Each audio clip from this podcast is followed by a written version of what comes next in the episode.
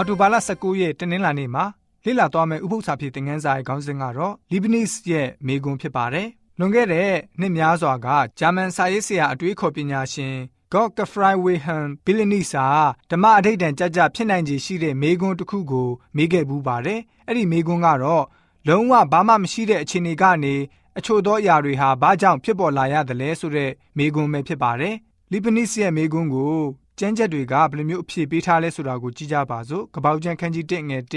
ရွှမ်းခရင်ခန်းကြီး1ငယ်1ကနေ4ထွမြောက်ကျမ်းခန်းကြီး20ငယ်8ကနေ17ဗျာဒိကျမ်းခန်းကြီး14ငယ်6နဲ့9ယောဘဝုထုခန်းကြီး7ငယ်9ကနေ10ကိုဖတ်ပါမယ်။အစဦး၌ဖျားသခင်သည်ကောင်းကင်နှင့်မြေကြီးကိုဖန်ဆင်းတော်မူ၏ အစအဦး၌နှုတ်ကပတ်တော်ရှိ၏နှုတ်ကပတ်တော်သည်ဖျားသခင်နှင့်အတူရှိ၏နှုတ်ကပတ်တော်သည်လည်းဖျားသခင်ဖြစ်တော်မူ၏ထိုနှုတ်ကပတ်တော်သည်အစအဦး၌ဖျားသခင်နှင့်အတူရှိ၏ထိုနှုတ်ကပတ်တော်သည်ခတ်သိမ်းသောအရာတို့ကိုဖန်ဆင်းတော်မူ၏ဖန်ဆင်းတော်မူခြင်းနှင့်ကင်းလွတ်လည်ဖြစ်သောအရာတစ်စုံတစ်ခုမှမရှိထိုနှုတ်ကပတ်တော်၌အသက်ရှိ၏ထိုအသက်သည်လည်းလူတို့၏အလင်းဖြစ်၏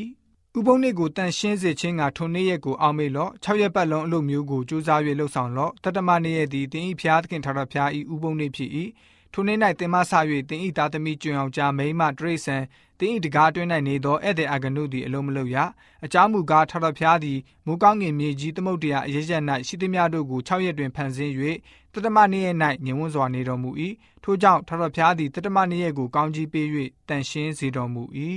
မြေကြီးပေါ်မှနေသောသူဒီဟုသောအသီးသီးဘာသာစကားကိုပြောသောလူအမျိုးအနွယ်ခတ်သိန်းတို့အားထာဝရဧဝံဂေလိတရားကိုဟောရသောကောင်းကင်တမန်တစ်ပါးကဖျားသခင်ကိုကြောက်ရွံ့၍ချီးမွမ်းကြလော့တရားစီရင်တော်မူသောအချိန်ရောက်လာပြီကောင်းကင်မြေကြီးသမုတ်တရားနှင့်စမ်းရည်တွင်တို့ကိုဖန်ဆင်းတော်မူသောအရှင်ကိုကိုးကွယ်ကြလော့ဟုကြီးသောအတန်နှင့်ပြောဆို၍ကောင်းကင်အလယ်၌ပြန်ဝဲလျက်ရှိသည်ကိုငါမြင်၏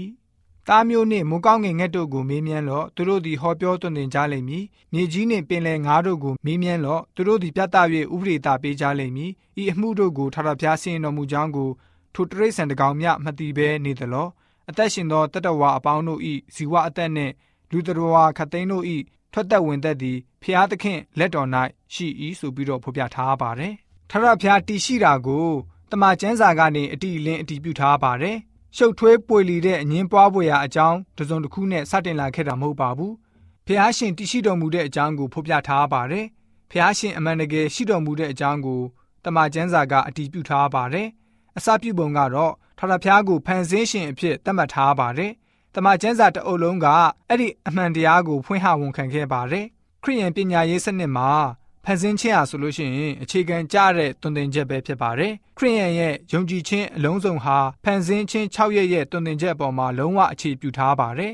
တမန်ကျမ်းစာဟာအပြစ်ဖြေခြင်းအကြောင်းနဲ့စတင်ရေးသားတာမဟုတ်ပါဘူးပြည့်ညတ်တော်အကြောင်းနဲ့အစပြုရေးသားတာလည်းမဟုတ်ပါဘူးကားတိုင်းတော်အကြောင်းရှင်ပြန်ထမြောက်ခြင်းအကြောင်းဒါမှမဟုတ်ဒုတိယအကြိမ်ကြွလာခြင်းအကြောင်းတွေနဲ့စတင်ရေးသားခြင်းမပြုပါဘူးထထဖျားဟာဖန်ဆင်းရှင်ဖြစ်တော်မူတဲ့အကြောင်းနဲ့စတင်ပြီးတော့ရေးသားထားတာဖြစ်ပါတယ် နောက်ပြီးတမန်ကျမ်းစာရဲ့ရှုထောင့်အရလောကအမြင်ကိုဖန်ဆင်းခြင်းတွင်တင်ချက်သာလင်အရေးကြီးဆုံးဖြစ်တယ်ဆိုတာကိုတွေ့ရပါတယ်အဲ့ဒီအပြင်အထူးလေးထားတဲ့အရာကတော့အလွန်အရေးကြီးနေတဲ့အရာဖြစ်ရခြင်းကတော့တိတ်ပံရဲ့ရေပန်းစားတဲ့တွင်တင်ချက်နဲ့ရင်ဆိုင်တွေ့ရတဲ့အတွက်ကြောင့်ဖြစ်ပါတယ်စင်ကဲဖြစ်စဉ်အယူဆဟာဆိုလို့ရှိရင်နှစ်တန်းထောင်ပေါင်းများစွာတဖြည်းဖြည်းချင်းစင့်ကဲတိုးတက်ဖြစ်တည်လာတဲ့အရာကိုတိတ်ပံအတွေးအရခံယူချက်ပြုထားပါတယ် ဖြစ်လာသမျှအရာတိုင်းဟာလည်းပဲအခန့်သင့်ပြီးတော့ဖြစ်လာကြတယ်လို့ယူဆကြပါတယ်တီးတန့်ရည်ရွယ်ချက်ထားပြီးတော့ဖြစ်လာခြင်းမျိုးမဟုတ်ပါဘူးသို့တော်လည်းပဲအဲ့ဒီအတွေးခေါ်မျိုးဟာတမန်ကျမ်းစာကနေမဖော်ပြတဲ့နှစ်တန်ပေါင်းများစွာပြဿနာကိုယုံကြည်ချက်ပပျောက်စေပါတယ်ကျမ်းစာရဲ့တွင်တင်ချက်နဲ့ဖြောင်ဖြောင်ကြီးဆန့်ကျင်ပြီးတော့ခရိယန်ရဲ့ယုံကြည်ချက်နဲ့လည်းပဲအဲ့ဒီစင့်ကဲ theory အယူအဆဟာလုံးဝမကိုက်ညီပါဘူးဒီတို့ကြောင့်စင့်ကဲ theory ရဲ့အယူအဆဟာဆိုလို့ရှိရင် ဖျားမရှိဘူးဖန်ဆင်းရှင်းကိုမြုံတဲ့သူတွေထက်တောင်ပို့ပြီးတော့ဆိုးရွားလာပါတယ်အဲ့ဒီစင့်ကဲ theory ရဲ့အယူအဆဟာတမန်ကျမ်းစာရေးသားချက်နဲ့ခရစ်ယာန်ယုံကြည်ချက်ကိုတရောလောင်ပြောင်နေတယ်လို့ပဲဖြစ်နေပါတယ်ဖျားရှင်ဟာဆိုလို့ရှိရင်ရဲတတပတ်မှာကျွန်တော်တို့နောက်ဆုံးတတမနေ့ရက်ကိုအနားယူဆောင်ထင်းခြင်းအပြင်ဖန်ဆင်းခြင်း6ရက်ကိုပြန်လည်တတိယစေပါတယ်အခြားအခြားသောဘယ်တွင်တင်မှုမျိုးကိုမှမတောင်းဆိုပါဘူး